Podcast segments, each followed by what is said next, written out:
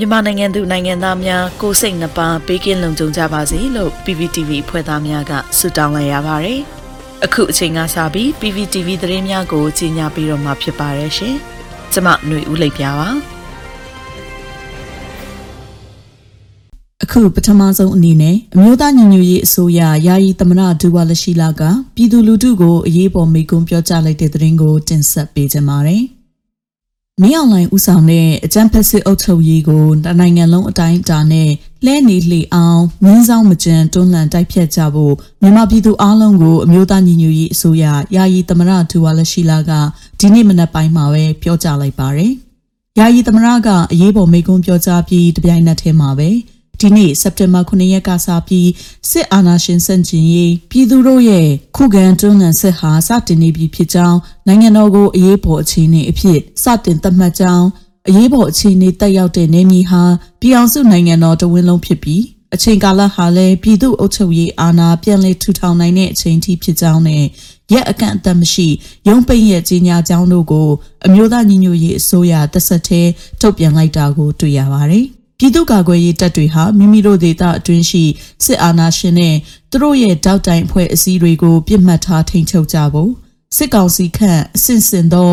အုပ်ချုပ်ရေးမှုများအားလုံးအလုတ်ကနေချက်ချင်းစွန့်ခွာကြဖို့ NUG ယာယီသမရကတိုက်တွန်းခဲ့ပါတယ်။ PDF တွေအနေနဲ့ပြည်သူတို့ရဲ့အသက်အိုးအိမ်ကိုတတိထားကာကွယ်စောင့်ရှောက်ဖို့အထက်ကညွှန်ကြားချက်တွေကိုတိတိကျကျလိုက်နာဖို့ပြည်သူ့ကာကွယ်ရေးတပ်မတော်ကထုတ်ပြန်ထားတဲ့ စစ်ပတ်ဆိုင်ရာစီမင်းစည်းကမ်းတွေကိုတသွေမသိမ်းလိုက်နာကြဖို့ယာယီသမရကညွှန်ကြားထားပါသေးတယ်။ပြည်သူတွေအနေနဲ့ဒီနေ့ကစားလို့မလိုအပ်ဖဲခီးသွားလာခြင်းမပြုကြဘဲတဦးချင်းရဲ့လုံခြုံရေးကိုအထူးဂရုစိုက်ကြဖို့လိုအပ်တဲ့ရိတ်ခါစေဝါစတာတွေကိုစုဆောင်းထားဖို့လက်ဆက်ပြောပါရယ်။တိုင်းရင်းသားလက်နက်ကိုင်တော်လှန်ရေးအဖွဲ့အားလုံးကလည်းမင်းအောင်လိုင်းနဲ့အချမ်းဖက်စစ်အုပ်စုကိုနှီးမျိုးစုံနဲ့ချက်ချင်းတိုက်ခိုက်ကြပြီး မိမိတို့ရဲ့နေမြေတွေကိုအပြည့်အဝထိန်းချုပ်ထားဖို့ယာယီသမရဒူဝါလက်ရှိလာကတိုက်တွန်းပါတယ်။ဒါအပြင်ပြည်သူတော်လှန်ရေးစတင်ပြီးဖြစ်တာကြောင့်မင်းအောင်လှိုင်ရဲ့လိန်လေလက်ပြဖိနှိပ်မှုအောက်မှာတာဝန်ထမ်းဆောင်နေကြတဲ့တမတော်သားတွေပြည်သူရဲတွေဝန်ထမ်းတွေအနေနဲ့ပြည်သူ့ကာကွယ်ရေးတပ် PDF တွေနဲ့ချက်ချင်းဆက်သွယ်ပူးပေါင်းကြဖို့အမျိုးသားညီညွတ်ရေးအစိုးရကာကွယ်ရေးဝန်ကြီးဌာနပြည်ထောင်ရေးဝန်ကြီးဌာနများကိုအမြန်ဆုံးသတင်းပို့ကြဖို့လည်းပါဝင်ပါတယ်။ ဒီနေ့ကစပြီးစစ်ကောင်စီလက်အောက်ခံဝန်ထမ်းတွေအားလုံးရုံးတက်ခြင်းမပြုကြဘူးလေသတိပေးတာမြစ်ကြောင်းပြောပါရယ်နိုင်ငံတော်ရဲ့ပကတိအခြေအနေလိုအပ်ချက်အရာလှုပ်ဆောင်တာဖြစ်လို့အင်းကြီးချင်းနိုင်ငံတွေအာဆီယံနိုင်ငံတွေကုလသမဂ္ဂနဲ့ကမ္ဘာနိုင်ငံအသီးသီးကနားလည်ပေးကြလိမ့်မယ်လို့လည်းယုံကြည်ကြောင်းယာယီသမရဒူဝါလရှိလာကပြောပါရယ်အာနာသိန်းအကြံဖက်မင်းအောင်လှိုင်းနဲ့အာနာရှင်စနစ်ကိုမြန်မာနိုင်ငံကနေအပြေးတိုင်ဖြုတ်ချက တည်ငြိမ်အေဂျင့်ပြည်တိုင်းရင်းသားပြည်သူများအားလုံးစောင့်မျှော်ခဲ့တဲ့ဒန်းတူအခွင့်အရေးကိုအပြည့်အဝအာမခံတဲ့ Federal Democracy စနစ်ကိုထူထောင်ကပြည်အောင်စုမြန်မာနိုင်ငံဟာလည်းကမ္ဘာအလယ်မှာတဖန်ဂုံတိတ်ခါထွန်းတောက်လာမှာဖြစ်တယ်လို့ပြောကြားခဲ့ကြောင်းသတင်းရရှိပါရရှင်။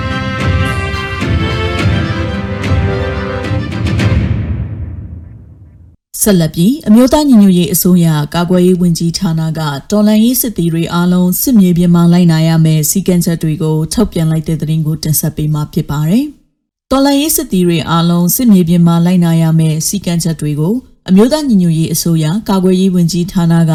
စက်တင်ဘာ9ရက်မှာထုတ်ပြန်ခဲ့ပါတယ်။ အဲဒီစီကံချက်တွေထဲမှာတုံပန်းတွေကိုညှဉ်းပန်းတပ်ဖြတ်ခြင်းမပြုဖို့ဆိုတာအပါအဝင်ပြည်သူ့ကာကွယ်ရေးတမတော်ပြည်သူ့ကာကွယ်ရေးအဖွဲ့တွေနဲ့အထူးတပ်ဖွဲ့တွေအားလုံးတိကျစွာလိုက်နာကြရမယ့်စီကံချက်တွေကိုဖော်ပြထားပါတယ်။တော်လန်ရေးစစ်သည်တွေဟာအထက်အမိန့်ကိုနာခံဖို့မိမိတပ်ဖွဲ့အပေါ်သစ္စာရှိဖို့မိမိလက်နက်ကိုမိမိအသက်ကဲ့သို့တံပိုးထားဖို့ဆိုတဲ့အချက်တွေစီကံချက်မှာပါဝင်ပါတယ်။ဒါအပြင်အရေးပေါ်လိုအပ်ချက်အရာအယက်သားပြည်သူပိုင်ပစ္စည်းတွေကိုအသုံးပြုရမယ်ဆိုရင် တန်ရာတန်ဖိုးပေးဖို့တုံပန်းတွေကိုညှဉ်းပန်းတာတက်ဖြတ်တာမပြုဖို့တင့်လျော်သောနေရာမှာထိမ့်သိမ်းထားဖို့အချက်တွေကိုလည်းတိကျစွာလိုက်နာရမယ်လို့ဆိုပါတယ်မိမိရဲမေများအပေါ်မှာဖြစ်စေအရက်သူအမျိုးသမီးတွေအပေါ်မှာဖြစ်စေလိမ်မိုင်းဆိုင်ရာထိပါနောက်ဆက်တာမပြုရဟုလဲစီကံသတ်မှတ်ထားပါတယ်ရန်သူထံကတင်စီရမိတဲ့ငွေလက်နက်ပစ္စည်းတွေကိုဆိုင်ရာတမှုထံစီးရင်တဲ့တကွအနံ့ရမှာဖြစ်တယ်လို့ထုတ်ပြန်ထားပါတယ် ပြည်သူတော်လှန်ရေးစစ်တီအားလုံးဟာထုတ်ပြန်ထားတဲ့စီမင်းစည်းကမ်းတွေကိုအစဉ်လိုက်နာစေရေးအတွက်ဆိုင်ရာတပ်မှုများကနှိုးဆော်ကြက်မှတ်ရမယ်လို့လည်းကာကွယ်ရေးဝန်ကြီးဌာနရဲ့ထုတ်ပြန်ချက်မှာဖော်ပြထားပါတယ်ကာဝယ်ရေးဝန်ကြီးဌာနအနေနဲ့အခုလိုစီကံချက်တွေကိုအရင်ကလည်းထုတ်ပြန်ထားတာရှိခဲ့ပြီးတော့ဒီကနေ့မှာယာယီသမရဒူဝါလရှိလာကစစ်အာဏာရှင်စန့်ကျင်ရေးပြည်သူလူထုရဲ့ခုခံတွန်းလှန်စစ်စတင်ကြောင်း ကြီးညာလိုက်တဲ့အပေါ်ထပ်မံထုတ်ပြန်ခဲ့တာဖြစ်ပါတယ်။ရခင်ကပြည်သူ့ကာကွယ်ရေးတမတော်ရဲ့စစ်ဘက်ဆိုင်ရာကျင့်ဝတ်တွေကိုထုတ်ပြန်ခဲ့ရမှာစစ်ရေးရည်မှန်းချက်များဖြစ်တာတိုက်ပွဲဖော်ဆောင်ဖို့အယက်သားပြည်သူတွေကိုကာကွယ်ဆောင်ရှောက်ဖို့ဘာသာရေးအဆောက်အအုံတွေနဲ့ယဉ်ကျေးမှုအမွေအနှစ်တွေကိုလေးစားတန်ဖိုးထားဖို့လက်နက်ကိုင်ပရိပခဆိုင်ရာဥပဒေတွေကိုဖောက်ဖျက်ကျူးလွန်တာမလုပ်ဖို့အချက်တွေဖော်ပြထားပါတယ်။ဒါအပြင်ခေါင်းဆောင်တွေဟာဆက်နမူနာပြခေါင်းဆောင်မှုကိုပြသပြီးလက်အောက်ငယ်သားတွေအပေါ်ကြောသားရင်သားမခွဲခြားပဲတရားမျှတစွာကုကဲအုပ်ချုပ်ဖို့လူမျိုးဘာသာကြားမှလိန်စိတ်ခံယူချက်ကွဲပြားမှုအပေါ်မူတည်ပြီးတော့ခွဲခြားဆက်ဆံခြင်းမပြုဖို့မူရစ်စေဝါမတုံးဆွဲဖို့လူမှုရေးရှုပ်ထွေးခြင်းမပြုဖို့စတဲ့အချက်တွေကိုလည်းစစ်တီတော်ကျင့်ဝတ်စည်းမျဉ်းမှာဖော်ပြထားပါတယ်။စစ်ရေးဆိုင်ရာ ပြစ်မှတ်သတ်မှတ်ချက်ကိုလည်းထုတ်ပြန်ခဲ့တာမှာစစ်အာဏာရှင်စနစ်ရဲ့ရန်တရားတွေကိုသာချိန်မုံရမှာဖြစ်ကြောင်းနဲ့အယက်သားပြည်သူတွေကိုချိန်ချောက်တာပြစ်မှတ်ထားတိုက်ခိုက်တာမပြုလုပ်ဖို့ထုတ်ပြန်ထားပါတယ်။စာတင်ကြောင်းဆေးရုံဘာသာရေးအဆောက်အအုံယဉ်ကျေးမှုဆိုင်ရာအထိမ်းအမှတ်နေရာတွေနဲ့အယက်သားပြည်သူတွေစုဝေးသွားလာလှုပ်ရှားတဲ့နေရာတွေကိုပြစ်မှတ်ထားတိုက်ခိုက်ခြင်းမပြုရန်လဲစစ်ဘက်ဆိုင်ရာကျင့်ဝတ်မှာဖော်ပြထားပါတယ်။ဒါအပြင် လူနာတင်ရင်တွေကျန်းမာရေးစောင့်ရှောက်ကုသမှုပေးသူတွေလူမှုကယ်ဆယ်ရေးအသင်းအဖွဲ့တွေကိုပြစ်မှတ်ထားတိုက်ခိုက်ခြင်းမပြုဖို့လဲတားမြစ်ထားပါတယ်။လက်နက်ချအညံ့ခံတဲ့သူတွေနဲ့စစ်တုံးပန်းတွေနဲ့ပတ်သက်ပြီးနှိပ်စက်တပ်ဖြတ်တာမလုပ်ဖို့နဲ့အဲ့ဒီလူတွေကို Geneva Convention ပါပြဋ္ဌာန်းချက်တွေအရလူကုန်တိတ်ခါနဲ့အညီဆက်ဆံဖို့ထုတ်ပြန်ထားပါတယ်။ မိသားစုတွေထံအသက်နိုင်ဆုံးအတိပေးအကြောင်းကြားတာကျန်းမာရေးစောင့်ရှောက်မှုပေးတာချုပ်နှောင်ထားဖို့လိုအပ်ရင်အမျိုးသားနဲ့အမျိုးသမီးတီးတန့်ခွဲခြားချုပ်နှောင်ထားရမယ်လို့ဖော်ပြထားပါတယ်။အယက်သားပြည်သူတွေကိုဆက်ဆံရမှာလဲရိုသေစွာဆက်ဆံဖို့စီကံသတ်မှတ်ထားပြီးမောက်မာရိုင်းဆိုင်တာစော်ကားတာအနိုင်ကျင့်နှိပ်စက်တာမူရရန်ကားတာမလုပ်ဖို့တားမြစ်ထားပါတယ်။အယက်သားတွေကိုတစကန်ဒါမှမဟုတ်လူသားတိုင်းအဖြစ်အတုံးမပြုရဘူးလို့ တားမြစ်ထားသလိုခလေးတငယ်တွေမတန်ဆန်းသူတွေအမျိုးသမီးတွေတက်ကြီးရွယ်အိုတွေစတဲ့ထိရှလွဲအုပ်စုတွေကို အထူးကာကွယ်စောင့်ရှောက်ပြီးလိုအပ်တဲ့အကူအညီတွေပေးရမယ်လို့လည်းလိုက်နာရမယ့်ကျင့်ဝတ်များမှာဖော်ပြထားပါတယ်။အမျိုးသမီးတွေနဲ့ကလေးငယ်တွေအပေါ်လိုက်နာရမယ့်ကျင့်ဝတ်ကိုလည်းထုတ်ပြန်ထားရမှာအမျိုးသမီးတွေကာရင်တွေပျက်စီးစေခြင်းအချက်ခွဲခြင်းရုံညံ့စေခြင်း လိပ်ပိုင်းဆိုင်ရာခေါင်းပုံဖြတ်အမျက်ထုတ်ခြင်းအကြမ်းဖက်ခြင်းမပြုလုပ်ရန်တားမြစ်ထားပြီးအရွယ်မရောက်သေးတဲ့ကလေးတွေကိုလိမ်မိုင်းဆိုင်ရာထိတွေ့ဆက်ဆံတာအကြမ်းဖက်တာမလုပ်ရဘူးလို့စီကံသတ်မှတ်ထားပါတယ်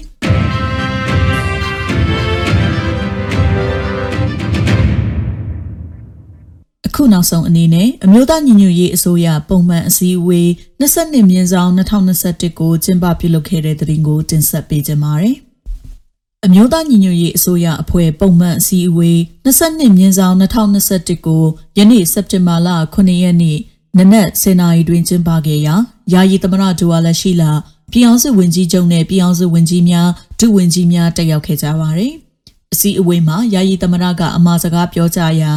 ပြည်သူလူထုမျှော်လင့်တောင်းတနေတဲ့စတင်လှုပ်ဆောင်ရမည့်အလုပ်တစ်ခုကိုယနေ့လှုပ်ဆောင်လိုက်ပြီးဖြစ်ကြောင်း အစိုးရအဖွဲ့ဝင်ဝင်ကြီးတွေအနေနဲ့လိုအပ်ရင်ကြားဖြတ်အစည်းအဝေးတွေပြုလုပ်ပြီးတာဝန်မလစ်ဟင်းရအောင်ဆောင်ရွက်ရမှာဖြစ်ကြောင်းပြည်သူတွေရဲ့လိုအပ်ချက်တွေကိုကဏ္ဍအလိုက်အတက်နိုင်ဆုံးဖြည့်ဆည်းဆောင်ရွက်သွားကြရန်လိုအပ်ကြောင်းတို့ကိုပြောကြားခဲ့ပြီးပြည်အောင်စုဝင်ကြီးချုပ်ကပြည်သူတွေရဲ့ညီညီညာညာရင်ဆိုင်နိုင်မှုစွမ်းအားနဲ့အတူတက်ညီလက်ညီစစ်ကောင်းစီကိုအမြင့်ဖြတ်ချေမှုန်းရမယ့်အချိန်ရောက်လာပြီဖြစ်ကြောင်းဒီကာလဟာတိုရင်လဲတိုနိုင်ကြောင်းရှေကောင်းလဲရှေနိုင်ကြောင်း ပြည်သူနဲ့အတူတရားတဲ့ရက်တီရင်ဆိုင်ပေးကြတဲ့မိတ်ဆွေတိုင်းရင်းသားလက်နက်ကိုင်ဖွဲ့အစည်းတွေကိုလည်းကျေးဇူးတင်ကြောင်းအခုအချိန်မှာပြည်သူဘက်ကနေမရက်တီကြဘူးဆိုရင်ပြေးစရာအမြင်မရှိတော့ဘူးဆိုပြီးနားလည်လာမဲ့စစ်တပ်နဲ့ရဲဝန်ထမ်း CDM လုပ်ပြီးပူးပေါင်းလာနိုင်မှုအတွက်လဲ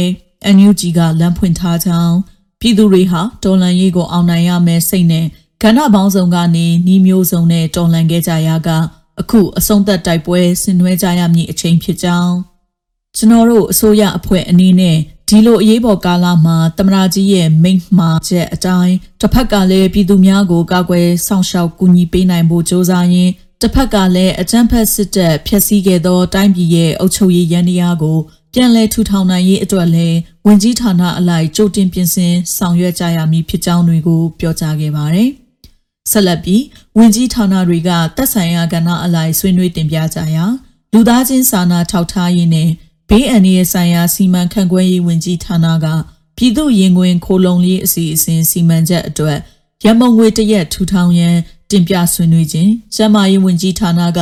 COVID-19 ကိစ္စလက်တလောစီမံချက်တွေကိုရှင်းလင်းတင်ပြခြင်းအမျိုးသမီးလူငယ်နဲ့ကလေးတငယ်ရေးရာဝန်ကြီးဌာနက တော်လန်ရေးအတွက်ပူးပေါင်းဆောင်ရွက်မဲ့ကိစ္စတွေကိုတင်ပြပြီးအလုသမားရေးရာဝန်ကြီးဌာနကစီးပွားရေးပိတ်ဆို့မှုနဲ့ပတ်သက်ပြီးသဘောထားတရက်ချမှတ်ထားရန်တင်ပြဆွေးနွေးကြပြီးအစည်းအဝေးကိုနေ့လယ်7:00နာရီမိနစ်30မှာရန်နာလိုက်တယ်လို့သတင်းရရှိပါရယ်ရေတော်ဘုံအောင်ရမည်ရေတော်ဘုံအောင်ရမည်